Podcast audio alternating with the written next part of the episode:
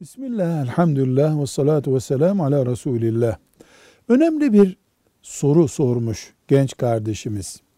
Diyor ki, sahabilerin sözü din midir? Yani ayet gibi, peygamber sözü gibi midir? Cevap olarak diyoruz ki bir konuda ayet varsa, hadis varsa sahabinin sözüne bakmayız. Ayet yok, hadis yoksa sahabi sözünü bizi bağlayıcı söz olarak görürüz.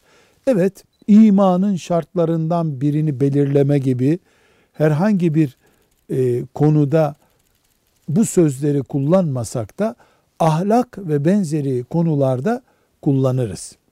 Yani kenara bırakılabilir söz değildir sahabi sözü.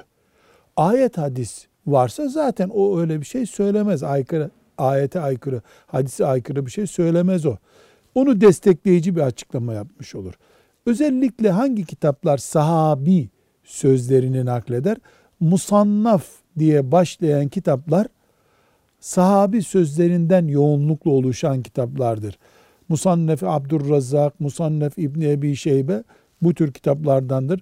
Darimi'nin süneninde de yoğun bir sahabi bilgisi bulunabilir.